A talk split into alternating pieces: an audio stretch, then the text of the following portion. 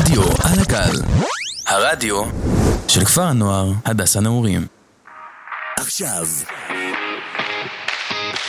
להתחטב מהאוזניים, תוכנית הכושר של רדיו על הגל, עם יהודה אדרי ורון קודן. ערב טוב, מאזינים ומאזינות יקרים. אנחנו בתוכנית אה, של רדיו על הגל, להתחטב מהאוזניים, עם יהודה אדרי ורון קודן. אז אה, היום יש שינוי קטן בתוכנית. רון היה צריך לעשות משהו מטעמים אישיים, אז הוא כנראה לא יגיע היום לתוכנית. ואז אני אצטרך להיות פה לבד היום ולהעביר תוכנית של שעה. עם התוכנית שהבאתי להיום, הבאתי דברים מאוד מאוד מעניינים. לא יחסר לנו כלום, הכל יהיה כרגיל. כמו שכל תוכנית שאנחנו עושים. אז אה, הבאתי נושא מאוד מאוד מעניין שרציתי לדון עליו, וחשבתי שזה יכול להתאים לכל מי שמאזין וכל מי שאוהב את זה. הנושא היום, קראתי לזה נושא גלי הבולשיט, כמו שאני אסביר גם מה זה אומר. גלי הבולשיט זה חלק מכל הדברים שקיימים היום בשוק, כל אנשים שמנסים למכור את הקורסים שלהם, הם תמיד באים ומראים לך כל מיני הצעות טובות על תוכניות שלהם. מציעים לך, בוא תקנה לי פה, בוא תקנה את זה, אתה, אתה לא צריך לאכול, אתה לא צריך להתאמן, תבוא רק תשב ורק תראה מה אני אגיד לך וכל מיני דברים כאלה. הקטע זה שאנחנו צריכים להבין, למרות שכל מה שהם אומרים שנשמע טוב, נשמע לנו טוב באוזן, זה טוב, זה סבבה, כולם רוצים את זה, לשבת ולא לעשות כלום ולהתחתב ולהיראות הכי טוב שאפשר. זה לא משהו שאנחנו מחפשים, כנראה ככל רוב הסיכויים זה, כמו שאמרתי, זה בולשיט, ואנחנו, אני אסביר בדיוק איך אנחנו יכולים לזהות את כל מה שהולך בשוק. כדי לזהות דבר כזה, אתם צריכים קודם כל להבין למה אנשים מנסים למכור את זה. כמובן שכולם מנסים להראות את הדרכים הטובות שלהם, קודם כל כדי להתפרנס. הם מנסים, ל... לא אכפת להם באיזה דרך, כנראה זה אנשים שלמדו איזה כמה שנים בווינגייט והחליטו שפתאום אה, הם רוצים להפוך להיות מאמנים, כי זה הכי קל. אני ראיתי כמה אנשים כאלה ולא כולם יכולים להיות אמינים. בדרך כלל אני אישית מעדיף את אלה שמראים כאילו כל מיני דברים בחינם, כל מיני טיפים וכל מיני אה, הצעות, תעשו ככה, תעשו ככה, ולא מנסים יותר מדי למכור. כאילו יש להם איזה קורס או משהו כנראה, מן הסתם כי הם גם רוצים להתפרנס. אבל מה שאומר, ככל שהם מנסים פחות למכור ממה שהם מציעים, זה מראה שהם באמת טובים. כי לא באמת אכפת להם מהקורסים, אכפת להם כי הם מאמנים טובים ובאים אליהם אנשים, כי הם יודעים שהם אמינים. אז כדי לזהות מה רלוונטי ומה לא, הרי הכל נמצא כאילו, כל דבר היום נמצא אצלנו ממש מתחת לעיניים, כל דבר נמצא באינטרנט, ממש מתחת לאף שלנו יש לנו את הטלפונים, אנחנו פשוט נכנסים לתוך המסך ורואים כל מה שאנחנו רוצים. אנשים לא יודעים איך זה עובד, מנסים כמה שיותר להיכנס לזה ולהראות כמה שכיף כאילו להיות, להיות בתוך האימונים. הקטע שאנחנו לא, לא באמת מצליחים לזהות אם הם באמת שקרנים או לא. כמו שאמרתי, אנחנו באמת מעדיפים... אה, באמת מעדיפים uh, שקודם כל יהיה אנשים שיודעים מה הם עושים, שהם באמת למדו את זה, לא ארבע שנים בווינגייט וכנראה אולי הם עשו רק איזה קורס קטן. הקטע של למה שאני אומר את זה, כי בעולם הכושר כמעט הכל כשגוי ולא כל אחד באמת יכול uh, באמת לדעת. כולם נסו למכור לנו דברים, מה אנחנו באמת צריכים, מה שאנחנו רוצים לשמוע זה במה שונה ממרחק אור, מה שאנחנו רוצים ומה שבאמת, מה שבאמת כאילו מה שבאמת אנחנו רוצים ומה שבאמת מציעים. אנחנו רוצים להגיע לגוף החלומות ואנשים לא באמת יכולים להציע לנו דבר כזה. נגיד, לדוגמה, אני אביא משהו שראיתי, בגלל זה החלטתי גם לדבר על הנושא הזה היום. ראיתי איזה סרטון של אה, כמה חבר'ה מה, מהיוטיוב, שמדברים על uh, מישהו שמעלה, אני מעדיף בלי שמות כדי שזה לא ייצור בעיות. מישהו שנמצא באינטרנט ומחליט שככה אני עושה והוא אומר שלא צריך להתאמן, וקוראים לזה, כאילו, הוא קורא לזה נוסחת אבא, תוכנית אבא, משהו כזה. הוא כאילו תופס גל על זה שאנשים אה, בגיל 40, אה, 50, שהם הופכים להיות אבות, הם עושים איזה קרס, והוא משתמש בזה שאין לאנשים כוח לקום ואין להם מוטיבציה לעשות את מה שהם באמת רוצים לעשות. אז הוא מציע להם, כאילו, תבואו ותאכלו מה שאתם רוצים, אתם יכולים לאכול, כאילו, יש לו איזה סרטון כזה שהוא עושה... מה אתם מעדיפים, פיצה או סלט? ואז הוא אומר שסלט זה סתם חרטא ותאכלו פיצה, ועם כל השומן הרווי שיש בפנים, וכל התוספות וכל הדברים האלה שעושים הרבה הרבה דברים לא טובים בבטן, בקיצור. אז זה מה שהוא מנסה למכור, וככה אתם יכולים לדעת, אתם פשוט תסבירו בסרטון הזה על כל הדברים הלא טובים שהוא מציע, ואיך באמת הוא, הוא משקף את מה שהוא רוצה למכור בדרכים שקריות.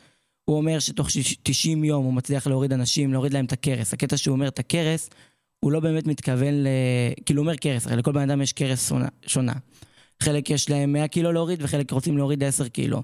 אז מה שאומר שכאילו כבר מכאן אפשר להבין שהבן אדם לא באמת מנסה למכור מה שהוא רוצה, הוא מוכר, הוא מוכר את מה שאתם רוצים לשמוע, אתם רוצים להוריד את הכרס, אבל אין לו באמת איזה תוכנית אמיתית. הוא מוכר את התוכנית שלו, אני חושב, באזור ה-4.5 אלף שקל. 4.5 אלף שקל לשלושה חודשים. כאילו, אתם משלמים בכל חודש 4, כן? אבל השלושה חודשים זה כאילו התנאי ששם אתם מגיעים לגוף החלומות שלכם. זה לא יכול לעבוד ככה. זה לא יכול, זה לא הגיוני פיזית לעשות דבר כזה. נגיד, אם אתם רוצים להוריד 100 קילו תוך, כמה ימים, אתם לא באמת יכולים להגיע למצב כזה. אז בדרך כלל אני הייתי מעדיף. להיכנס לגוגל ולראות כל מיני דברים, להאזין לפודקאסטים דומים לאלה ולהבין באמת מה מציעים לכם ומה אתם מקבלים. הרי אתם רוצים לעשות את זה בדרך הכי טובה ולא לעבור uh, כל מיני uh, תלאות בדרך. אני אסביר לכם, אני אגיד לכם גם סיפור על עצמי. אני למדתי שיעורי נהיגה אצל מורה ברחובות, אני אומר את זה בכללי, זה ממש דומה לסיפור. הקטע שהוא הציע לי, הוא אמר לי, בוא, תלמד ידני, אני המורה הכי טוב ברחובות, תגיע, אני אומר לך, 28 שיעורים, אתה עובר טסט ראשון. אני לומד אצלו כבר שלושה חודשים, חמישה חודשים למדתי אצלו, כמובן שכבר עזבתי, הבנתי שזה היה חרטא רצינית. לא הייתי אומר שאני לא טוב, הוא פשוט לא לימד אותי בכלל, באמת, שהגעתי למצב של עצבים ולא הבנתי מה הולך שם וכלום. הגעתי לשיעור 28, הוא אומר לי, אתה לא מוכן, תמשיך עוד קצת, עוד איזה חמש, שש שיעורים, מגיע לשיעור 32 או 35, מגיע, ובאמת, המספרים עלו ועלו עד כדי כך שהייתי עובד כל הזמן, ואת הכסף שלי פשוט מוציא לשיעורים, בלי שום אה, היבט של אה, הבנה, כאילו, ישר כסף לשם, לשם, לשם, לשיעורי נהיגה. ואז ירד לי האסימון, אמרתי כאילו, לא טסט פנימי, לא החלפות, לא שום דבר, לא ראיתי שום דבר, אני לא יודע מה הטעם השונה אצל מקום אחר, אני פשוט יודע מה זה המורה הזה, מה שהוא מלמד אותי, מה שאני יודע, הייתי עושה מלא טעויות, לא באמת יודע כלום ממה שאני עושה, תמיד הייתי נתקע ולא מבין מה אני אומר, מה אני עושה. בסופו של דבר הבנתי, והחלטתי לעבור מורה. אה, ישראל גם אה, עובד פה ברדיו, הוא אה, גם משדר וגם על הסאונד בדרך כלל, והוא אמר לי, בוא, יש איזה מורה שלמדתי אצלו, הוא התחיל אחריי באיזה שמונה חודשים במצב כזה. עושה לי, תבוא, יש לי מורה שיכול לעזור לך, והוא אני מכיר, הוא העביר אותי מהר. אמיל, בן אדם באמת גברי, אני עדיין לומד אצלו. יום חמישי הזה יש לי טסט, בעזרת השם מקווה לעבור, טסט ראשון. תוך כמה ימים שהייתי אצלו, באמת, לימד אותי דברים שאפילו לא הצלחתי להבין מה אצל המורה הקודם. המורה הקודם הייתי צריך לעשות, הוא היה מלמד אותי שיטות הזויות וקשות פה, כשהגעתי לאמיל הבנתי את הדרך הנכונה, על מה אני באמת עובד, ואיך אני, למה אני כאילו עושה כל תהליך שאני עושה, הסביר לי איך המכונית עצמה עובדת, ולא רק תעשה ככה וזה מה שיקרה. ככה המוח שלי, אני אישית לא עובד ככה, המוח שלי עובד בזה שאני עושה, שאם מסבירים לי משהו, אני רוצה לדעת מה עובד מתחת לזה. ולא רק מה החומרה, מה שאני עושה. בסופו של דבר אולי אני מרים את הקלט ושם קצת דלק, ואז אני עושה זינוק בעלייה, אבל זה לא עובד ככה. אני רוצה לדעת כאילו מה קורה שמתנתק הגלגליות, ואז נכנס, ה... ואז נכנס שן, שן אחרת של הגלגל, ואז נכנס הילוך שני, וכל הדברים האלה. כמו שהוא לימד אותי, ככה אני יודע, ככה אני מעדיף שזה יהיה. בסופו של דבר, ככה הבנתי שאני באמת נדפקתי, ואז אני רואה החלטתי בגלל זה גם, כאילו, בסופו של דבר גם להגיד את זה לפה, להגיע למקום שאני מצליח להגיד לאנשים, שיבינו שזה לא בהכרח מה שאתם רוצים לשמוע. אולי הוא אמר לי שאני אנהג מהר והגיע לי הרישיון, כי אני רק התחלתי בגיל בדיוק מה שהייתי צריך, 17, 16 ומשהו. פשוט התחלתי והוא אמר לי, זה מה שאני רוצה לשמוע. הכיל אותי את כל השקרים שהוא רצה שאני אעשה. בסופו של דבר, הגעתי למצב שזה לא מה שקרה, מה שהוא אמר לי זה לא מה שהיה. ואז שבאמת אתה מקבל המלצות ואתה שומע מאנשים, ובמיוחד אצל המורה עכשיו שאני לומד אצלו אין לו שום אינטרס, כאילו הוא עובד שכיר אצל המורים, אצל בית ספר ספציפית, קוראים לזה בית ספר מור. הוא עובד תחתם, הוא לא מקבל בדיוק את הכסף שאני משלם, הם מקבלים אותו, אז ככה האינטרס האישי שלו זה פשוט רק להעביר, וגם אחוזי ההצלחה שלו מטורפים. תמיד, כל הזמן, כאילו מעביר ראשון, ראשון, ראשון, ראשון, יש לו שם טוב, ככה אתה גם באמת יכול לדעת שבן אדם טוב, לפי התוצאות שהוא מראה. לא כולם מראים את התוצאות באמת, חלק אומרים שזה גם ב, באזור אה, אימונים, שאנשים מראים את ה... שעשיתי ככה והעברתי בן אדם תוך שלוש חודשים, תראו את התוצאות. לא בהכרח שכל התוצאות שאנשים עושים זה מה שבאמת קורה. הוא יכול להגיד שזה שלושה חודשים, אבל בטח זה היה שלוש שנים או חצי שנה, וגם אם הוא היה יכול להיות קרוב משפחה, אז הוא באמת השקיע ודברים כאלה, ולא בהכרח כל אחד מתאים למאמן הזה. אז כדי באמת לדעת, אתם אמורים לדעת בדיוק מי המאמן, וכדי לעשות את זה אתם צריכים לראות, לעשות סקר עליו, לראות מה הוא מציע, מה באמת טוב אצל המאמן הזה. אצל מאמנים יותר קל. לעומת מורה נהיגה שבאמת קשה להבין כאילו מה, כאילו מי טוב, מי לא טוב. אתה זה רק ניסוי וטעייה, אתה לא יכול לחפש בגוגל, אולי יש קצת אה, ביקורות ודברים כאלה, אבל בעיקר על מאמנים, הרבה יותר קל. אנשים פשוט אה, באים וממליצים עליהם ואומרים, תראה, עשיתי ככה, והורדתי אחוזי שומן והעליתי מסת שריר תוך כדי. וזה קורה באמת באנשים שאתם יכולים להכיר, כולם מתאמנים בסופו של דבר, כולם רוצים להגיע להיראות טוב ולפתח את החזה וכל הדברים האלה. לא חסר אנשים שמתאמנים ויכולים להגיד לכם בדיוק אה, מי טוב ומי לא טוב. אז מומלץ תמיד לעשות סקר שוק מי באמת טוב, מה הוא מציע לכם ואיך הוא עושה את זה. עכשיו, נושא שני שרציתי לדבר עליו, במיוחד שהוא גם קשור לחיים שלי, במיוחד שאני עוד מעט עוזב את הפנימיה, כיתה י"ב ונשאר, אה, אני חושב שזה החודש האחרון, עכשיו נכנסנו לחודש מאי, אז uh, הגיע החודש האחרון שאנחנו לומדים בו, מסיבות סיום וכל העומס האחרון של השנה. אז מה שרציתי להגיד זה איך לשלב עבודה ואימונים ביחד. אבל בסופו של דבר אנחנו מתאמנים, אנחנו צריכים להתאמן איזה שעה ביום, פשוט לעצור את החיים שלנו, ללכת למכון, לעשות מה שאנחנו טובים בו ואיך שאנחנו יודעים, בין אם זה עם מאמן ובין אם זה בלי מאמן. חלק שיודעים וחלק שלא יודעים להתאמן בלי ועם. מה שאני אומר זה שכדאי ועדיף לדעת לסדר את הסדר יום שלכם לפי הבוקר. חלקנו מעדיפים, אני גם אגיד על זה, עשיתי עוד בפינת המיתוסים, בפינת השאלות, סליחה. אה, אם אה, להתאמן ביום או בלילה, זה כבר אה, משהו שאני אגיד בפינת השאלות. מומלץ תמיד, למי שאוהב, זה כבר העדפה אישית, אני אישית מעדיף להתאמן בלילה, יותר נוח לי, יותר שקט, אנשים יותר, כאילו שעובדים בבוקר, אנשים יותר גם צעירים. בבוקר בעיקר יש אנשים מבוגרים שהזמן שלהם פשוט זמן חופשי. אין להם הרבה כאילו מה לעשות, אז פשוט באים להתאמן בבוקר. זאת אנשים צעירים ואנשים שעובדים בבקרים ולא בפנסיה, אז הם באים לעבוד, ב... להתאמן בערב, והרבה יותר נוח להם והרבה יותר שקט שם, ותמיד רוב המקומות אה, פנויים. אני מתאמן ב Space, אז זה מקום, כאילו כולם מכירים מה זה ה Space, גם זה זול שם. אז לא באמת יש איזה, סליחה, לא באמת יש איזה כאילו רף של הרבה אנשים. כאילו של פחות אנשים. תמיד יש הרבה, אבל בשעות הלילה תמיד זה שעות uh, של אנשים.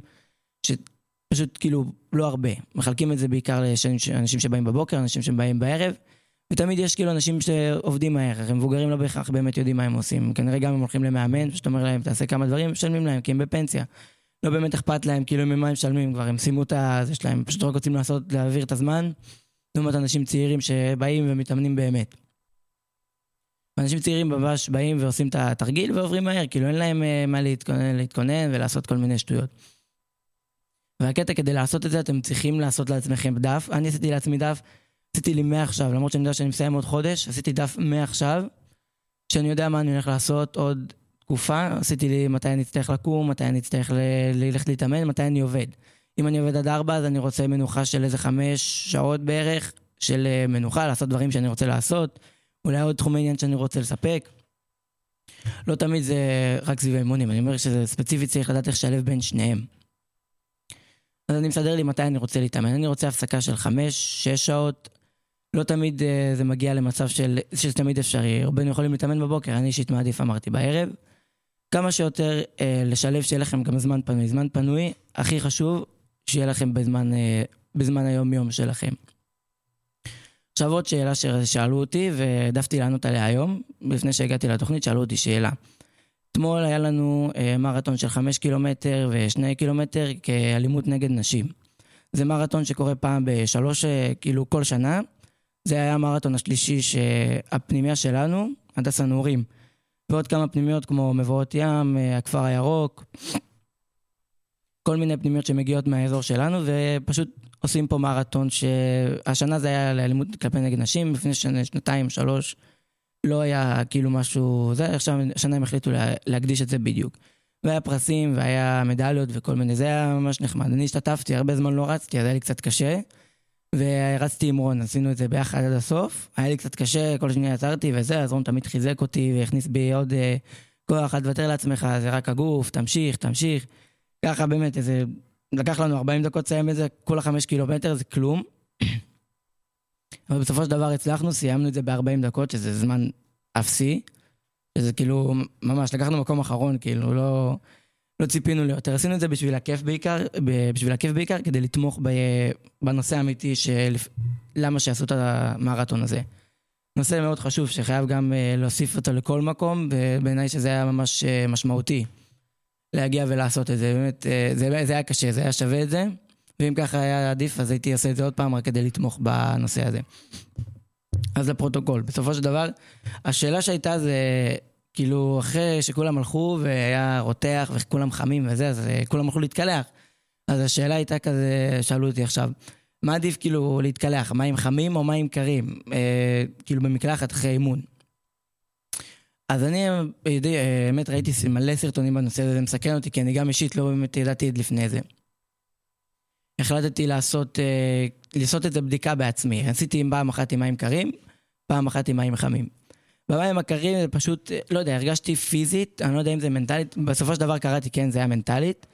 אה, פשוט הרגשתי שהשרירים שלי יותר אה, מתרככים, נהיים יותר אה, מתקשים, כאילו, מתרפסים, לא יודע איך בדיוק להעט את זה במילים, זה הרגשה כזאת של שחרור, בקצרה. אז אה, זה בדיוק מה שהמים הקרים עושים, זה, לפי המחקר זה כן עוזר בטיפה, זה לא באמת מה שזה, כמו שזה נשמע, אם זה מים קרים, זה אולי קצת קר וזה.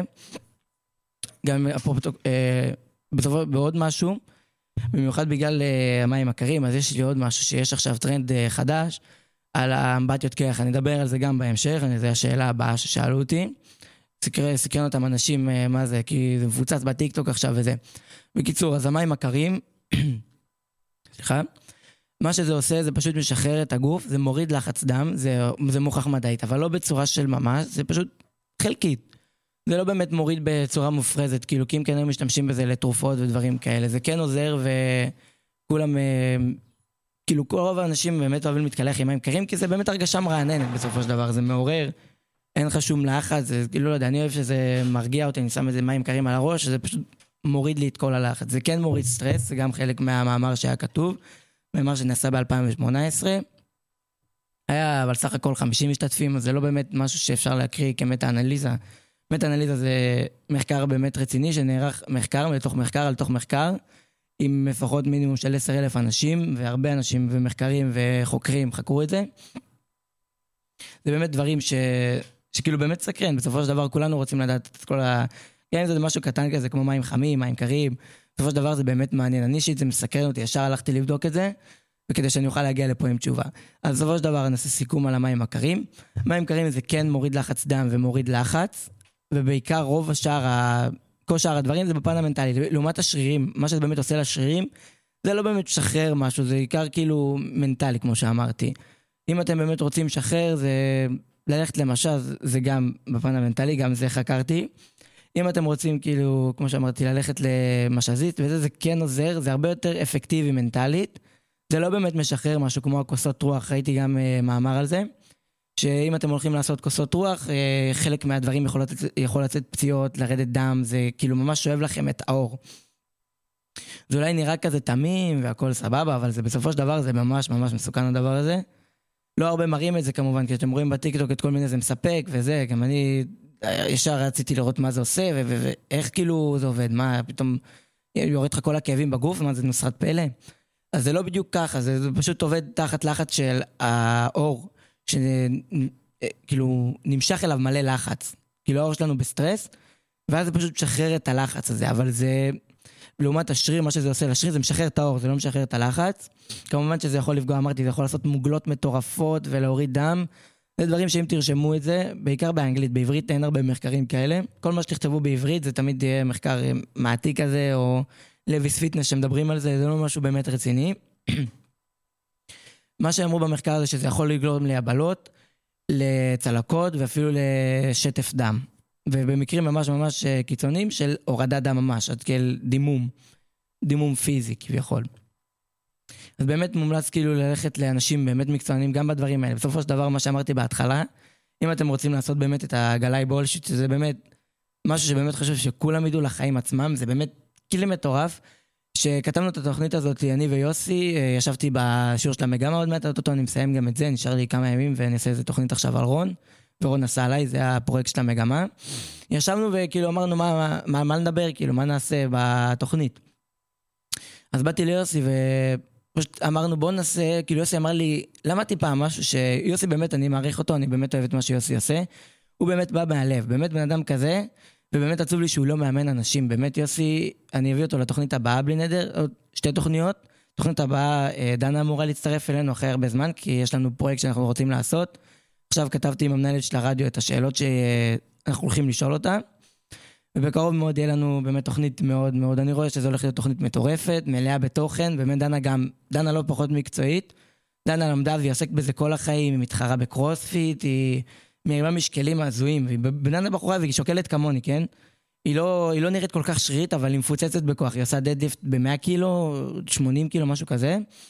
וזה עושה גם deadlift מתפרץ, ועוד איזה תרגיל כזה שאתה יורד מ squat, אה, מ deadlift, להרים את, זה, את המוט על החזה, ואז להרים אותו למעלה, זה תרגיל ממש קשה, והיא עושה את זה עם 80 קילו, זה באמת משקלים של אה, תחרויות אולימפיות, נשים בני 18, גברים בני 18 לא מגיעים למשקלים כאלה. אני אישית לא חושב אם אני יכול באמת להרים משקלים כאלה. אז בקיצור, דנה היא באמת מקצועית, ואני חושב שהולך להיות פה תוכנית באמת טורפת אה, שבוע הבא. ממליץ להאזין, ממליץ לשמוע, כל מי שעכשיו מקשיב, כדאי לו גם להקשיב בתוכנית הבאה, כי זה באמת הולך להיות הרבה יותר מעניין מזה שרק אני מדבר פה לבד. זה הולך להיות טוב.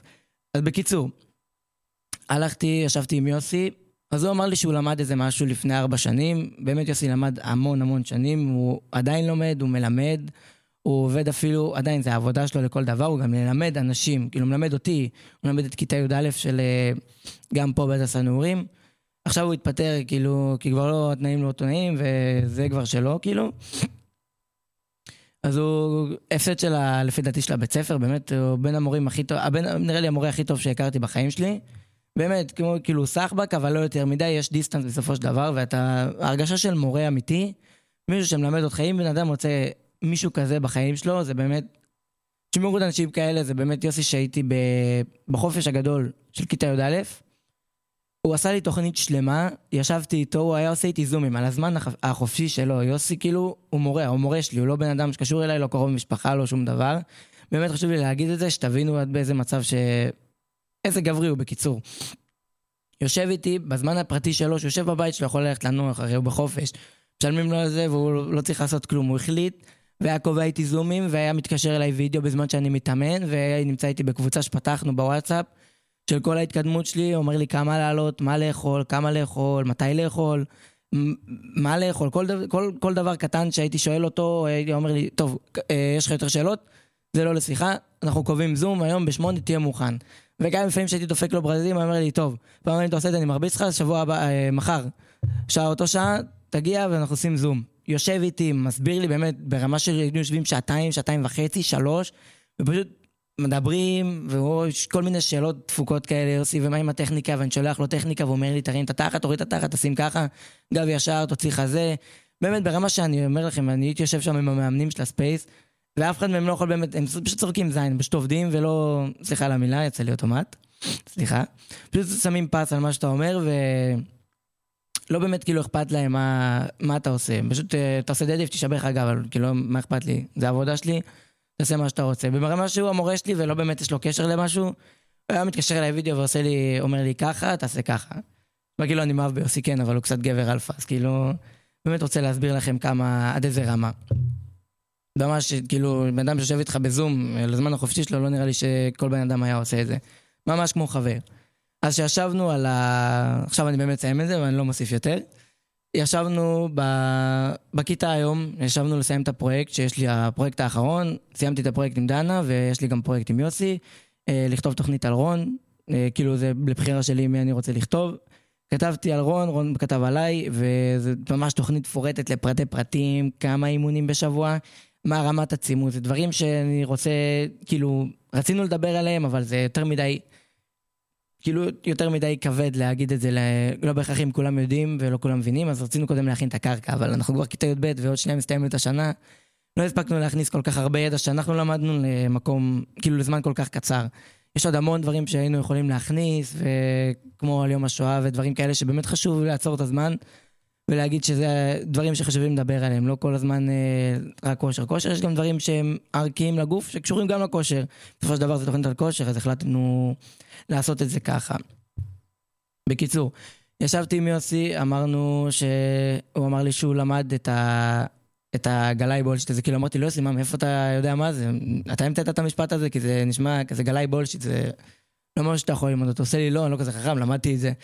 והוא פשוט הסביר לי מה זה, מה שאני אומר לכם עכשיו, הוא הסביר את זה ממש למפורט, לפרטי פרטים, דברים שאני אפילו לא, כאילו כמעט לא הצלחתי להבין.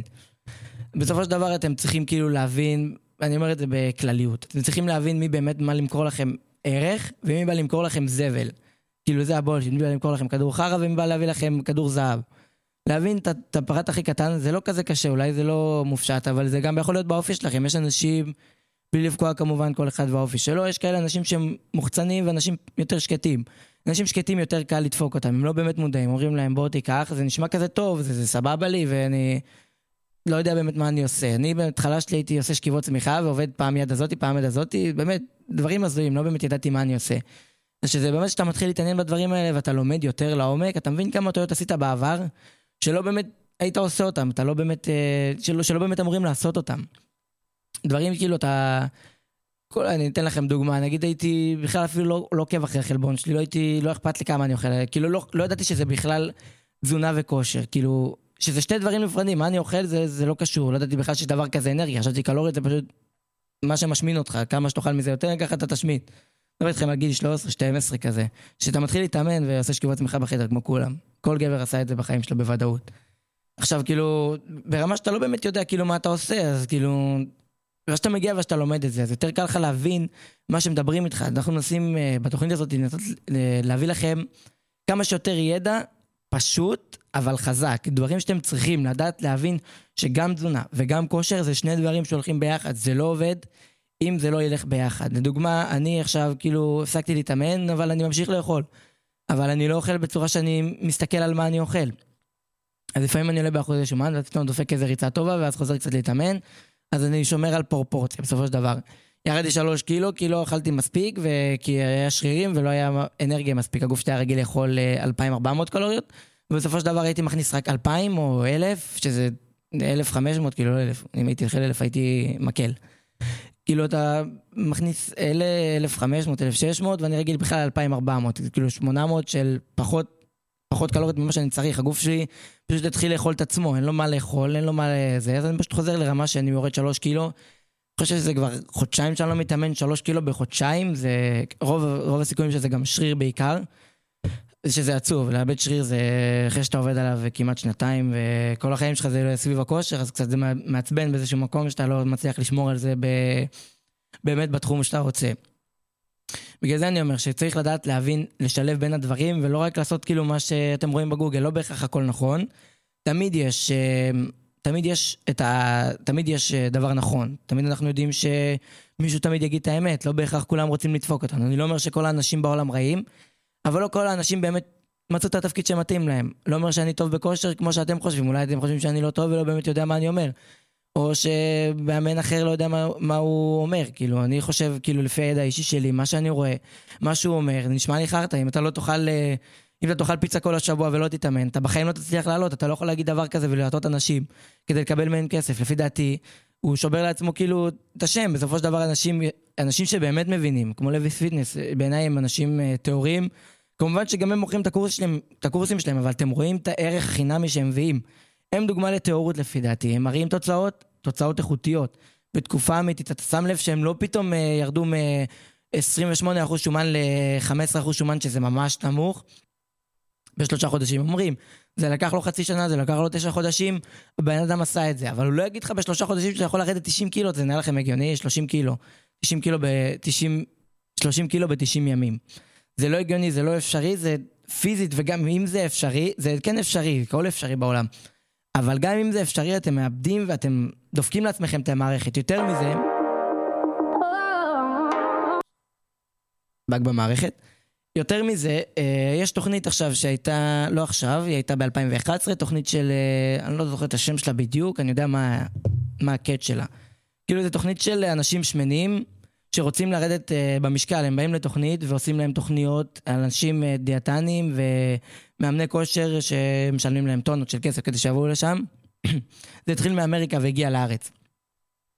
בתוכנית באמריקה וגם בתוכנית של הארץ, אנשים שהרזו, אני מדבר איתכם, אנשים באמת ששוקלים 250 קילו, 200 קילו, אנשים שנהיה להם שלוש טיצים ושבע בטנות, כאילו, ותשע סנטרים, ברמה כזאת ששמנים, אפשר לראות את זה, אתם יכולים לרשום אה, אנשים שמנים שמחזים, אני לא באמת זוכר איך קוראים לזה.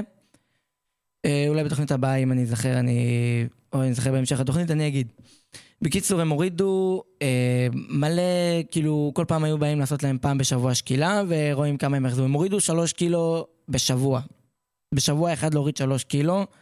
מה שכן, זה יורד מהבריאות. לא מה שאני אגיד לכם שלהיות שמן זה בריא, כן?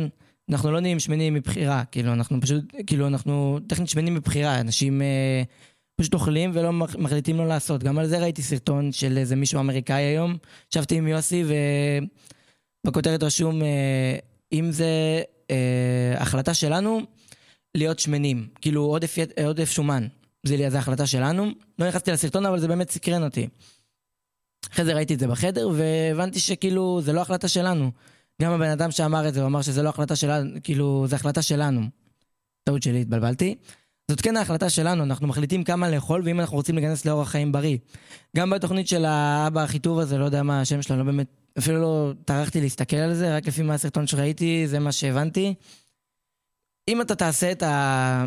אם אתה תעשה את התוכנית הזאת, בסופו של דבר, אולי אתה תרזה 20 קילו, 30 קילו, אתה תעלה את זה בשניות. זה בדיוק מה שמקשר אותי לתוכנית הזאת שאמרתי בארץ, אה, שהייתה בארץ ובחו"ל. שני האנשים, שני, כל האנשים שהיו שם, זה כמה אנשים, כולם, שהם היו 200 קילו, הם הורידו את ה-200. נגיד, הם הגיעו ל-85 קילו, ונשים אה, שהגיעו באזור ה-160 קילו, נשים ששוקלות 160 קילו זה מטורף, זה, זה לא כמו גבר ששוקל 100, 180 או 160.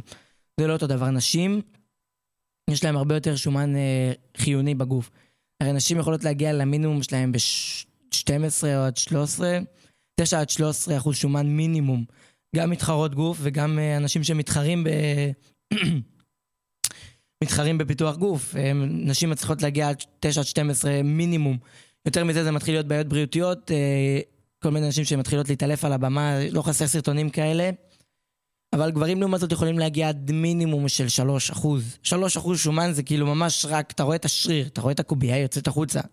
גם כזה שהשומן נכנס כמעט לתוך עצמו, זה נראה באמת הזוי. יש גם על זה לא חסר סרטונים, וברמה שאנשים, 3 אחוז כן, אני לא אומר שאנשים לא מתעלפים. לא חסר אה, אנשים שהתעלפו בתוכניות אה, של... כל ה-FB Pro וכאלה שהתחרו בפיתוח גוף. אז נחזור לשביל, בוא נגיד ככה. בסופו של דבר האנשים האלה שהגיעו לתוכנית, אולי הם ירדו 200 קילו, אולי הם ירדו 100 אה, קילו, כל אחד למקרה לגופו, לא באמת ראיתי את התוכנית. ראיתי רק את הסקירה על התוכנית. הם אולי הורידו את התוכנית, את, ה, את השומן, את האחוזי שומן, והעלו קצת שריר. בסופו של דבר, בדקו, הראו אחרי זה דוקו, אה, דוקו זה כאילו מראים מה קרה אחר כך באיזה תוכנית כזאת של אה, כאן 11. ובדקו מה קרה עם כל האנשים האלה אחרי שש שנים. כולה שש שנים. זה נשמע הרבה, אבל זה כולה שש שנים. זה... ראו איך הם הגיעו למצב כפול ממה שהם היו. לא כפול, הם הגיעו כאילו רבע ממה שהם היו. אם הם היו 200 קילו, הם היו 215 קילו. 240 קילו, אנשים שהגיעו ברמה נמוכה. אני אומר לכם, אנשים, הם הגיעו לרמה של 80 קילו, נגיד מ-200 קילו ירדו 120 קילו באזור של ה-6 חודשים, 8 חודשים, משהו כזה, באמת זה הזוי, הם עשו להם שם טירוף של בלאגן בגוף, לא, לא יודעים מה הלך שם. לא אגיד לכם שזה בריא להיות שמן, ולא בריא להיות, אה, להוריד את השומן בכזאת כמות. זה לא בריאותי, הגוף לא מצליח להתעכל, הגוף שלנו זה כמו מכונה. אתה לא יכול פשוט להכניס הילוך שישי ולהתחיל לנסוע, אתה אתן לך תקיעות ברכב. זה לא עובד ככה, הגוף שלנו הוא, מנכונה אולי קצת יותר חכמה מרכב, כי אנחנו פועלים בעד עצמנו והכל פועל לבד. ובסופו של דבר, אתם לא יכולים להתחיל מלוך שישי, בוא נגיד ככה. אתם צריכים לעשות את זה בתוכנית מסודרת, אצל מאמן טוב, בגלל זה זה חשוב, זה לא כמו מורה נהיגה, זה הרבה יותר חשוב. פה מדובר על החיים שלכם, לא הכסף שלכם. אולי אתם תשקיעו עוד 200 שקל, 1,000 שקל, אבל עדיף לכם, הבריאות שלכם הרבה יותר מהכסף שאתם הולכים להשקיע. בסופו של דבר אתם תשקיעו אולי 2,000 שקל אצל ההוא, שהוא אה, מילה יותר עדינה לחרא, אה, לא טוב, שהוא מאמן לא טוב, לעומת מאמן טוב שהוא תותח, באמת יודע מה הוא עושה, הוא לוקח אולי אלף שקל יותר, אבל שווה את זה, כי זה הבריאות שלכם בסופו של דבר, ואתם לא נדפקים בא, אולי ברגע הראשון שאתם רואים את זה, ואולי בשלושה חודשים, אני אומר לכם, כל ילד שמתחיל עכשיו מגמת ספורט יכול להוריד אתכם את ה-10 קילו הראשונים בלי בכלל להתאמץ. זה ממש שטותי כאילו בהתחלה, אבל הקטע מתחיל ברגע שאתם מגיעים להתחלה. נגיד אתם שוקלים 100 קילו, הגעתם ל-80 ובאמת זה שאפו ענק. משם אתם תתחילו להיתקע, הגוף שלכם צריך באמת להתחיל אה, להבין מה הוא עושה. אם אתם תתחילו, רוב המאמנים יגידו לכם שאצל התוכנית ההוא של האבא, תוכנית האבא, מה קורא לזה? אם אתם תבואו אליו, אתם תתאמנו, אתם כאילו, כאילו תהיו אצלו, הוא עושה לכם תוכנית תזונה, עם כל הפיצות וכל ה... מה שאתם רוצים לשמוע כביכול, כל הזהב עם העובש מבפנים, בוא נגיד ככה. נותן לכם את כל הדברים שאתם רוצים אה, לשמוע. בסופו של דבר אתם תגיעו למצב של אה, אוקיי, סבבה, הוא נתן לי מאזן קלורי שלילי של 400, ירדתי בשלושה חודשים 3 קילו, הבטיח לי 90, 30 קילו, ירדתי 3, 4, סבבה, אני נראה יותר חטוב. אתם תגיעו בזה, ואז אין לו מה להציע לכם יותר, זה בוודאות. הרבה אנשים, קראתי את הכתבות עליו, כאילו את כל הביקורות עליו, שהם הראו שם בתוכנית שעשו עליו. וזה באמת, שום דבר לא היה שם טוב, אנשים אמרו, נתקעתי במאזן של 80 אה, קילו, ואין לי שום, אה, שום אפשרות לרדת יותר, כי התוכנית שלו מבוסס, מבוססת על זה שאתה לא צריך להתאמן. הוא בסרטונים שלו, הוא תמיד היה קופץ לי בפרסומות, אני הייתי מדלג עליו, הוא באמת היה נשמע חרטטן רציני, בא לקחת לכם את הכסף וללכת הביתה כביכול. עושה את אותה תוכנית לכולם לפי דעתי, זה דעתי האישית אני לא באמת יודע. קצת לכלך עליו, אבל באמת שזה מי שעושה ככה עבודה ולא באמת אכפת לו מאנשים, חושב שזה מגיע לו, כי יש אנשים שקוראים את, ה... את הגוף שלהם בשביל הדברים האלה ואת המוח שלהם, והם לא, והם לא מקבלים את מה שהם מגיע להם. אנשים אה, כמו דנה ויוסי שהם באמת מאמנים טובים לפי דעתי, שהם באמת, אה, זה שהם המורים שלי לא אומר שיש לי אינטרס כלשהו, אני לא אוהב את כל המורים שלי. ספציפית הם, הם באמת אנשים שאם הם יאמנו אתכם, הם באמת ידעו מה אתם רוצים. דנה נראה לי מאמנת פה עדיין את, ה, את הכפר, זה בבית ינאי פה אנחנו נמצאים. פה כאילו אנחנו נמצאים בתוכנית. וכאילו היא מאמנת פה אנשים אה, שגרים לידינו ועושה להם סיבובים בכפר ועושה להם תוכניות וזה. לא אגיד לכם שלא יודע איך זה הולך, אני לא באמת נכנס לעומק, שיהיה לה בהצלחה. אבל באמת שכאילו אם היא הייתה מתחילה יותר, ואני מתפרסת עם זה יותר, כנראה שהיא הייתה מצליחה להגיע עם זה הרבה יותר. גם עוד נושא שרציתי כאילו גם אה, להוסיף עליו. הנה גם טטיאנה פה, נגיד לה שלום. גם טל. אהלן. בקיצור, נחזור לשביעי שוב. כמו שאני אומר, אה, דנה, כאילו אם הייתה רוצה להגיע עם זה יותר, לא בהכרח שהיום הייתה מצליחה, כי בן אדם טוב, אז היא לא תשקר. רוב הסיכויים שלא תשקר, כל אחד, כמובן שזה אינטרס שלנו. זה מה שאני חושב, זו דעתי האישית. אני מזכיר, כל מה שאני אומר בתוכנית זה דעתי האישית בלבד, ועל סמך מה שאני קורא ומפרש את זה במוח שלי כמובן.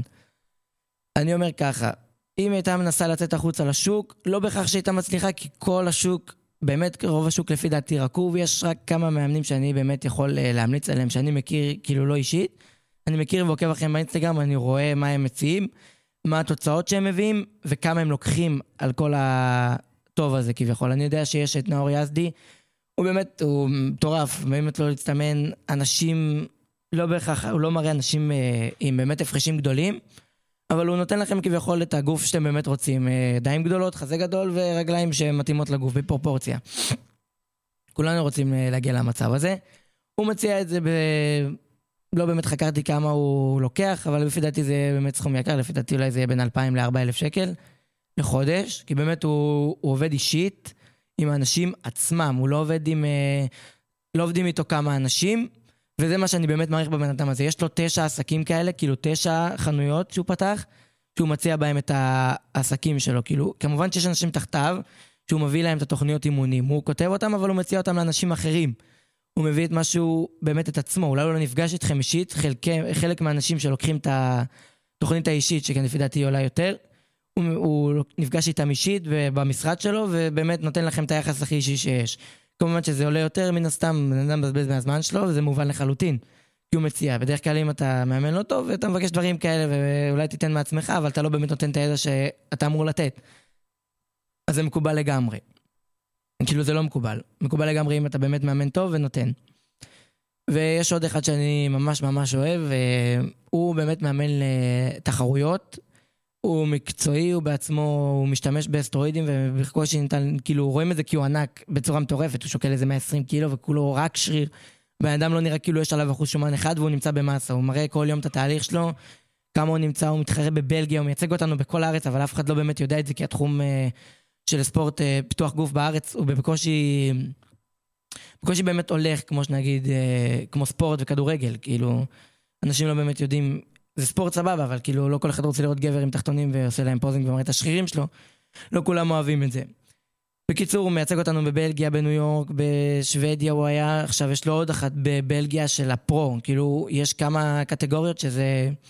יש כאילו את המתחילים, ככה זה נקרא, ויש את ה... אמ, כאלה של, אני לא יודע בדיוק איך קוראים לזה, אבל זה כאילו לאופנה. מתחרים לאופנה, מזה הם לוקחים בוקים וכל מיני דברים כאלה, לא ידעתי שזה קיים. זה קיים אצל כאילו כל פיתוח גוף בעולם, כל מקום שיש. מתחרים עם ג'ינסים, וחלק אה, כאילו רק מפתחים את הפלג גוף העליון, גם את הרגליים כדי שיהיה עומס על, ה, על הג'ינס, כאילו שיהיה מתח בזה, זה כל הקט שם. קראתי על זה, באמת סיכן אותי, ודרך אגב יש את זה באתר של סער. בגלל זה אני יודע את זה גם. באמת נותן אחלה של שירות הבן אדם. היה לי חבר גם שהתאמן אצלו, והוא אמר שזה באמת בן אדם שנותן מעצמו הכל ומשקיע בעצמו, בכל המתאמנים שלו, באמת שירות משפחתי ודברים כאלה. לא נעשה לו ספונסר או משהו, כאילו, אין לי שום אינטרס באמת מה... מה שאני עוקב אחריו, אני עוקב אחריו כמעט שנתיים, וכל פעם אני לא מפספס כל פעם את הסטורי שלו, וגם אם אני באמצע נסיעה ואני לא מצליח לשמוע את ה... את ה... איך קוראים לזה? את הסאונד של ה... מה שהוא מספר בסטורי שלו, יש אה, פינת שאלות כל הזמן, וממנו אני תמיד לומד, ותמיד אה, כל הפרטים הכי גבוהים שיש, אני לומד ממנו. כל פעם שיש אני אפילו חוזר. אם אני לא מצליח לשמוע מה שהוא אומר, אני חוזר אחורה ומקשיב למה שהוא אמר אז. כדי שאני לא, לא אפספס שום ידע ושום דבר כזה. גם אצל נאור אני אעשה את זה, נאור יזדי. באמת, הם נותנים כזה ידע חינמי שאתם, אנשים שלמדו את זה ארבע שנים, הם מפרשים את זה לשפה שלנו, שפה של כאלה שאנשים שלא באמת באמת כאילו מבינים מה, מהו הכושר. אני לא יכול להגיד לכם שאני מקצועי ואני יכול ללכת עכשיו לאמן את מי שבא לי. אני יכול לאמן אנשים שרוצים לרדת, לרדת בשומן ולעלות מסת שריר. יותר מזה, כאילו, ספורטאים ודברים כאלה, באמת אלה... אין לי באמת מושג שג'יני הייתה פה, זה באמת חידש לי אה, הרבה דברים, לא באמת ידעתי הכל על התחום הזה. אני לא ספורטאי, מה שבאמת מעניין אותי זה הפיתוח גוף. כאילו להתחרות ודברים כאלה אולי זה בעתיד, אני לא באמת יודע מה יהיה עד אז. אה, נכון לכרגע כאילו, בינתיים אני מחכה שיסתיים הלימודים, עד הצבא אני מתכנן לתת פוש כדי להיכנס לימי סיירות, הגשתי בקשה עכשיו לקבל יום שדה, שזה יום סיירות כביכול. ומקווה שילך לי בהצלחה. עכשיו נחזור עוד פעם לשביל, אני תמיד סוטה מהנושא כל פעם. ואצל אה, סער, בקיצור, הוא נותן את כל, ה... את כל השירות עצמו, הקטע אצלו, אבל השונה מנאור, שהוא באמת, כל, האפשרות היחידה לי, כאילו להתאמן אצלו זה רק אם אתה פלוס 18. אם אתה באמת רציני, הוא לא מקבל לכל אחד. כל מש... יש אנשים שהוא פשוט מראה את ההודעות שהם שולחים לו, ואומר לו, יש לי ככה וככה, יש לי תנאים. הוא אומר לו, הוא רשם לו בהודעה כזאתי. אם אתה רוצה להשתתף אצלי, ללמוד אצלי, וגם תבינו שאתם משלמים על זה, הבן אדם מקבל את הכסף, כאילו הוא יכול לשים פס על מה שאתם רוצים. אתה רוצה להתאמן הרבה בשבוע, תעשה, הנה. קח מה שאתה רוצה, אני אעשה לך תוכנית, תרד כמה אחוזים ותשלם לי ולך הביתה. אבל לא, הוא אומר לו, אם אתה רוצה להשתתף אצלי בתוכנית, אתה עושה מה שאני אומר, וכמה שאני אומר, ואם אתה סוטה פעם אחת, אתה מקבל החזר כספי ואל תבוא אליי יותר. אני אומר לכם במצב כזה, כי הבן אדם באמת אכפת לו מהשם שלו. יש לו שם מטורף בארץ, אני לא יודע איך הרבה לא מכירים אותו, יש לו באזור ה-150, 180 אלף עוקבים. אני עוקב אחריו מי שהיה לו 80, 70 אלף עוקבים, באמת ברמה נראית יותר יכול מתפתח, ומה שהוא מציע באמת בן אדם מקצועי ברמה גבוהה. אז אני אחזור לנושא הראשון, ואני אגיד שלא כמו שכולם מציעים, לא כולם יכולים. אנשים כמו התוכנית אבא הזאתי, מציעים לכם הרבה דבש והרבה מתוק, אבל בסופו של דבר הם מציעים אחרת. הקטע שהיינו באמצע לדבר על התוכנית, שעשו על האנשים שירדו. אז בתוכנית הזאת, האנשים שירדו את ה-200-240 קילו, ירדו לבערך 80-100 קילו, רק שריר, פחות שומן, ואז הם עשו ניתוח ל... סליחה. עשו ניתוח להורדת אה, עודפי שומן, בן אדם ש... שוקל הרבה, אה, שוקל באזור 100 קילו, מן הסתם שהם אלה ששקלו 200. אה, כשהם מורידים את זה נשאר עודפי שומן וצריך לעשות ניתוח שמשאיר צלקת. בעיקר באזור החזה נתפס השומן הזה באזור הבטן, איפה שנמצא השומן העיקש. אז הם עושים ניתוח, מורידים את זה ופשוט רואים אה, את התוצאות שהיו אחרי שש שנים. כל, כל, כל המתאמנים, חוץ מאחד, בן אדם אחד, שעשה את התוכנית הזאת, שהשתתף בתוכנית, הוא היחיד שנשאר באותו מאזן, כמו שהוא היה, העלה את אותו מסה, כאילו רק עלה יותר במסה, כמו שהוא השתפר, עבר זמן, עבר שש שנים. אבל אני אומר לכם שאנשים חזרו עם רבע יותר ממה שהם הגיעו לתוכנית. אמרתי, כמו שהם הגיעו, נגיד הם היו 100 קילו, אז הם הגיעו 100 ו... 115 קילו, 120 קילו. זה, זה לא משהו ש... אני אסביר גם למה, כאילו, זה לא משהו שהגיוני, זה לא עובד ככה, גם אם זו תוכנית ריאליטי, להם באמת לא היה אכפת, הם רצו לעשות כסף על התוכנית, ספונסרים ודברים כאלה. בגלל זה לא מומלץ ללכת לתוכניות כאלה, אם יש דברים כאלה, אני יודע שהולך לצאת ב-2024 עוד אה, תוכנית כזאתי. לא מומלץ ללכת לתוכניות כאלה באמת סיבה אחת. כל תוכנית אימונים שאתם עושים בכל מקום, אם אין בזה שינוי של האורח חיים שלכם, אם אתם לא באים כדי לשנות את האורח. את האורח חיים שלכם, כדי להגיד מעכשיו, העניין הכי מעניין שלי בחיים זה שאני מתאמן בחדר כושר. זה מה שאמרו לעניין אתכם, אתם אמורים לשנות את זה. אתם מעכשיו לא מתחילים ללכת במעליות, אתם מתחילים ללכת במדרג... במעליות במדרגות. זה שינויים קטנים שמעלים יותר. אני לדוגמה, אה, אבא שלי, יש לנו אה, שעון כזה שמראה לנו כמה צעדים עשינו. הוא עושה באזור ה-4,000 צעדים ביום, אני עושה כמעט 15,000 צעדים ביום. אתם מבינים את ההבדל הזה? 15,000 צעדים ביום, בן אדם ממוצע עושה בין 9,000 ל-12,000, אם הם אנשים שעובדים, תוך כדי העבודה. זה בהליכה, ואם ולא מחשיב עוד ריצות ודברים כאלה שאני עושה בלי כל השעונים ודברים כאלה. זה פשוט, אם אתם לא תתחילו עם השינויים הקטנים בחיים שלכם, זה לא באמת יעבוד, אתם תחזרו לאותו דבר, כי אם יש לכם הרגלי אכילה, אז אתם תאכלו, אם אתם לא תשנו את הרגלי האכילה האלה, את, האלה, אתם פשוט תחזרו לאותו מקום. האנשים האלה שהיו שוקלים 200 קילו, הם חזרו לאותו מצב, כי אף אחד לא, ש... לא חשב על הפן המנטלי, כולם המשיכו לאכול, לאכול, לאכול, ולא באמת היה אכפת להם מה... מהפן המנטלי, והם פשוט נשארו באותו מצב, חזרו לאותו מצב, בלי שאף אחד כאילו יסתכל על הצד המנטלי, זה באמת צד חשוב. בעיניי כשיש משולש כזה, ככה אני מדמיין את זה בראש, יש משולש, אוכל, שזה הפ... זה ה... כאילו פירמידה הכי גבוהה, זה ה... ממש ה top של הפירמידה, אוכל, אימונים ומנטלי. מנטלי גם חשוב בצורה, אם אתם מוצאים את זה מהלקסיקון של אימונים, אתם יכולים לשכוח מלהגיע לגוף החלומות שלכם. אני אומר לכם את זה אפילו בתור בן אדם שמתאמן שנתיים, אני לא הייתי עובד על הפן המנטלי שלי ומנסה להילחם כדי להגיע לכמעט כשל הזה, שאפילו זה לא כשל, אבל זה כמעט כשל. שזה באמת חשוב להגיע לקשר כדי ש... למרות שעכשיו כבר יוצא מחקרים חדשים של 2023, שקשר זה לא כזה חשוב, גם דיברתי על זה עם יוסי, רצינו לדבר על זה בתוכנית הזאתי. זה היה קצת נושא מאוד מורכב, העדפתי להשאיר את זה לתוכניות אחרות, לתוכנית הבאה אולי עם דנה, מה שייצא. בקיצור, אם אתם לא תעבדו על הפן המנטלי שלכם, לא תגיעו לאן שאתם רוצים. זה הכי חשוב ברמה הכי פרונטלית שיש. עכשיו, עוד נושא שרצינו, שרציתי להגיד עליהם, על אמבטיית קרח.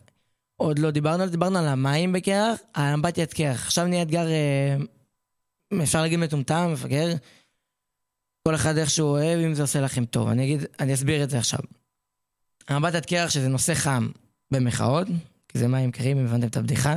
נושא חם, מים קרים. אה, כן או לא, כן, אולי. לא באמת יכולים לדעת. אני אגיד ככה, אם אתם נכנסים לאמבטיית קרח וזה עושה לכם טוב, תעשו את זה כל... הנה, זה, זה חלק שנכנס לפן המנטלי. כל דבר שאתם תעשו שיהיה לכם טוב, גם אם זה, לא מדבר איתכם על האוכל והאימונים, הפן המנטלי של אם אתם, אה, לא יודע, אם כיף לכם אה, לאכול פיצה, אל תורידו את זה מהאימונים שלכם. אתם חשוב שיהיה לכם אורח חיים בריא. אני אחזור לנושא הזה שוב, כי זה באמת חשוב להבין את המצב הזה. אם האורח חיים שלכם לא יהיה באמת מלא כמו שאתם, כאילו אם לא תשנו אותו לאורח חיים שונה ממה שיש לכם עכשיו, למלא את החורים הבריאותיים נגיד. יוסי אמר לי היום, אני אגיד לכם את זה גם, ישבנו איזה שעתיים, באמת ישבנו לנו אפילו ארבע שעות בעצם, היה לנו ארבע שיעורים. ישבנו ארבע שעות, שעתיים על העבודה, שעתיים על התוכנית. הוא אמר לי ככה, אם uh, אנשים שלא ישנו את התוכנית שלהם והם יישארו ככה, אין להם שום סיכוי לשנות את מה שהם עושים. הם יחזרו לאותו מצב, הם יעשו את אותו דברים, הם לא יגיעו לאן שהם רוצים להגיע. ברמה כזאת של... גם אם... אה, אותו דבר על האנשים האלה שהיו 100 קילו, אני חוזר על זה כי זה באמת, זה חשוב שאנשים יבינו את זה. 100 קילו, לחזור לאותו... לרדתם 20 קילו ולחזור לזה ברמה של... תחשבו, השקעתם חצי שנה מהחיים שלכם להוריד 20 קילו, ואז אחרי זה, אני מדבר איתכם על רמה של. כמה חודשים אפילו, כמה שבועות ברמה הזה, חודשיים, שלוש. אתם עולים את זה בצניחה, בעלייה מטורפת, כאילו. הצניחה תהיה ממש איטית באחוזי שומן, אבל העלייה תהיה מטורפת. הגוף שלכם רגיל לשרוף אה, סכום מסוים, ובלי האימונים, באמת, אה, זה מה שרציתי להגיד. יוסי אמר שבלי האימונים, שאלתי אותו כאילו, באמת שואלים אותי הרבה, למה בלי להתאמן? כי בתוכנית של ה... כל פעם אני נושא יותר מהנושא הזה כי שכחתי את זה. אז אני אסביר את זה עכשיו. בתוכנית הזאת של התוכנית אבא, הוא אומר שלא צריך להתאמן, הרי, אבל בסופו של דבר שאתם תגיעו למינימום של הקלוריות, הרי הגוף שלנו, שאנחנו מתאמנים חדשים, יש אה, דבר כזה שנקרא אה, כאילו חידוש, אה, חידוש שחקנים, אני קורא לזה ככה. לא זוכר איך קוראים לזה בפן המקצועי, אני קורא לזה חידוש שחקנים, כאילו אנחנו שחקנים חדשים ואנחנו לומדים להשתמש בזה. ואנחנו באמת צריכים להבין שהגוף שלנו מקבל עכשיו אינפורמציה חדשה, הוא מקבל מידע חדש, מה הוא אומר לעשות. עכשיו אנחנו מתחילים להתאמן, אה, סבבה, אז אני אתחיל, אה, להתחיל לעשות את זה. אז בתוכנית של ה... אז אני אתחיל כאילו להוריד אחוזי שומן ולהתחיל לאכול טוב. אז אני כאילו אקשיב למה שאני עושה. זה מה שהגוף אומר. בתוכנית של האבא, תוכנית האבא הזאת, הוא עושה שלא צריך להתאמן, תאכלו מה שאתם רוצים. זה לא יכול להיות ככה, זה יהיה ממש אפסי לחלוטין מה שהולך שם. זה יהיה קטסטרופה רצינית, אתם תשלמו כסף לחינם לפי דעתי, ואני חושב שיש הרבה מאמנים כאלה בשוק. לא חסר, אני יכול להביא לכם פה רשימה שתפוס שבע תוכניות מלאות רק משמות של אנשים ועל החוסרים שיש להם. כמובן, אני לא אומר ש... שאני מושלם או משהו כזה, אני לא מוכר שום דבר כי אני יודע שאני לא ברמה, אני אומר לכם, אני חושב שאני יכול להתחרות איתם ברמה של ידע. עד כדי כך, אולי הם למדו בווינקט, אנחנו למד... ולמדו שטויות, קיבלו את התוכנית שלהם והתחילו להיות מאמנים. אני אולי למדתי בבית ספר, הוצאתי ציון טוב מאוד אפילו, ומרגיש עם זה סבבה לגמרי, ואני חושב שאני יודע טוב את החומר, אז לא אומר שהם, שהיו חצי ולמדו ובהכרח זה לא אומר שכולם ככה, כמובן אני חייב לציין, אני לא באמת בא לרדת על מאמנים, אני אומר שחשוב שתדעו שלא כל מאמן יהיה טוב לכם, כמו שלא כל בן אדם שאתם מכירים בחיים שלכם יהיה טוב לכם. זה אותו דבר וחשוב לבריאות שלכם. בקיצור, אני אסיים עם זה ככה עכשיו. שהוא אומר שבתוכנית שלו אתם לא צריכים להתאמן. אני אגיד לכם, כשמגיעים למצב, אנחנו שחקנים חדשים אמרנו, כשאנחנו מגיעים למצב הגוף שלנו כבר מבין, סבבה, וואלה, אני כבר מקצועי. כמו שאתה מתחיל לשחק משחק חדש, אבל באיזשהו שלב אתה כבר מתחיל להבין את כל הרוטינות, איך זה עובד, את כל המצבים שם. ואז באיזשהו שלב אתה מגיע למצב שאתה מתחיל אה, לחקור דברים חדשים. אז בעניין הזה פה, המשקולות והאימוני כוח נכנסים לסיפור, כל האימונים של הריצות. הגוף שלכם מתחיל, נגיד הוא רגיל להכניס 1400 קלוריות ביום, הכנסנו עד עכשיו, אה, סליחה, הוא רגיל להכניס 2,000 קלוריות, הכנסנו 1,400. מאזן קלורי של 600, שזה לא טוב. נגיד 1,000, 1,600, מכניסים 2,400, מאזן קלורי שלילי. סבבה ככה, הגענו למצב שהגענו ל-80 קילו, רוצה לגרד ל-85. הגוף אומר, אה, חבר, הלו, כאילו מה הולך? תן לי, תן לי משהו, אני לא יכול לעבוד, אין לי מה לעבוד. כאילו, תוריד עוד, אני אתחיל לשרוף לך שריר, אני אתחיל לפגוע בעצמי. אני לא יכול לעשות את זה. פה נכנס הפן האימונים. האימונים והשרירים. שהרי אנחנו מתאמנים, אז השרירים שנוצרים וגדלים, השרירים שלנו צורכים הרבה אנרגיה. ככל שהשריר גדל, הוא צורך הרבה יותר אנרגיה, הרבה יותר קלוריות. אז ככה לגוף שלנו יותר קל להבין, הנה, יש לי יותר קלוריות, אני שורף הרבה יותר קלוריות, הנה, עכשיו אני יכול לרדת עוד קצת. כדי שהגוף שלי יבין שזה המצב שאני יכול כאילו לחיות ולא לפגוע בעצמו, כאילו לא יעשה את זה לעצמו. אתם מבינים? זה, זה קורה אוטומטית בגוף, זה דברים שאם לא יגידו לכם, זה יקרה אוטומטית ואתם חייבים לשים לב לזה בכל תוכנית אימונים, זה השאלה שצריכים צריכים לשאול את עצמכם. הגוף שלי מתחיל לפגוע בעצמו עכשיו, כן או לא, אם אני אקח יותר מדי אבקת חלבון, כן, יהיה לי איזה משהו בקיבה, כמו כל אה, אה, תוכנית של אה, ynet שעושים אה, כל שני וחמישי שילד בן 16 אה, לקח יותר מדי אבקת חלבון. בסופו של דבר אבקת חלבון לא חובה לקחת אפילו. אתם יודעים איזה מצב הם. אפילו עצמם, המייפורטון עושים, אם אין חובה לקחת אה, אבקת חלבון, זה מומלץ למי שצריך, ושזה יעזור לו להגיע לרמת חלבון היומית שלו. בקיצור, הגוף מבין שזה עכשיו הזמן, שהוא, זה הזמן שיכול, שלא צריך לפגוע בעצמו, אתם מבינים? זה המצב, ופה השאלה שאתם צריכים לשאול את עצמכם. אז נעשה עכשיו פינת שאלות, נשאר לי שתי דקות, אני אעשה איזה שאלות כמה קצרות, ש... שאלות קצרות שהבאתי. אז uh, כמו שאמרתי, בתוכנית של התוכנית אבא הזה, נדבר עליו הרבה, כי זה בין הדוגמאות הכי קלאסיות שאני יכול להביא. הוא אומר שפיצה, תאכלו רק פיצה. Uh, האם פיצה זה דבר רע? אני צריך לסיים את התוכנית, אז אני, שתי דקות אני מסיים. Uh, פיצה זה דבר רע. כמו שחשוב להסתכל, לא קובעים תוכנית תזונה לפי מאכל אחד. לא קובעים את זה כאילו לפי מאכל אחד. אם אומרים לי, יהודה, קח עכשיו פיצה, זה מה שאתה תאכל בתוכנית שלך, אבל אני מביא לך מצד שני גם אה, חזה עוף ואורז ושועית וקולרבי וכל הדברים האלה, זה בריא, סבבה, אבל הפיצה הזאתי, זה בשביל הפן המנטלי שלי, אני נכנס לזה כדי להבין שפה יש לי גם, אני לא חייב כאילו להתמסר עד כדי כך להפסיד את כל כך הרבה דברים. בסופו של דבר אנחנו בני אדם, יש לנו רצונות. אם אני רוצה לצאת עם חברים שלי לשתות בירה, סבבה, זה חד פעמי, זה לא אם זה יצא על בסיס יומיומי כמובן שאתם לא יכולים לעשות דבר כזה, זה יפגע לכם בכל התוכנית, ואף אחד לא ירצה לעבוד איתכם ככה כי אתם תפגעו לו בשם. זה מה שאתם צריכים לזכור. אז כמובן שפיצה זה לא דבר רע, כמובן שיש בזה הרבה שומן ודברים כאלה, ומלא גבינה, וגם זה דיברתי על יוסי, זה בגלל זה ממנו השאלה. אה, האם יש מאכלים שהם רעים לגוף? חייב להגיד על זה שאין שום מאכל רע לגוף. כמובן, רע לעכברים ודברים כאלה זה לא מאכל. כמובן צריך לזכור את זה. חוץ מזה, כל דבר שתאכלו בכמות. אתם יודעים מה? בוא נעשה, יוסי אמר לי את זה ככה. אם תאכלו שתי תפוחים ביום, למשך חודש, נראה לכם זה יפגע לכם במשהו? זה ממש נמצא על המקסימום של המצב, אבל אם תאכלו 40 תפוחים בחודש, לדוגמה, זה שיוצא 6 תפוחים. ביום, אתם תגיעו למצב של קריסת מערכות, אתם תצטרכו ללכת לבית חולים, הגוף שלכם לא יכול לאכול כל כך הרבה, סבבה, תפוח זה בריא, נכון? תאכלו סלט כל יום, שלוש פעמים סלט ביום, סבבה? תאכלו ביצים, שמונה ביצים ביום, כל יום, אתם תגיעו למצב של בית חולים, הגוף שלכם לא יכול לעמוד בעומס כזה. גוף לא רגיל לאכול אה, דברים ברמה כזאתי.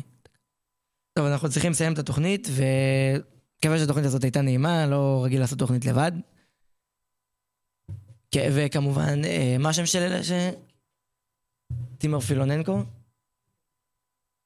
אז uh, שכחתי לציין את אלה שנמצאים על הסאונד, טימור פילוננקו, תודה רבה, שהוא, וסטס אנטונו, שהיו איתי פה על הסאונד והליוו אותי כל הדרך עם ה... שאירחו לי חברה יותר נכון, שרון הפקיר אותי. רון, אני אזכור לך את זה לנצח.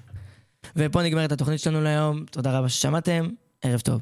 אתם מאזינים לרדיו על הגל. כפר הנוער הדס הנעורים.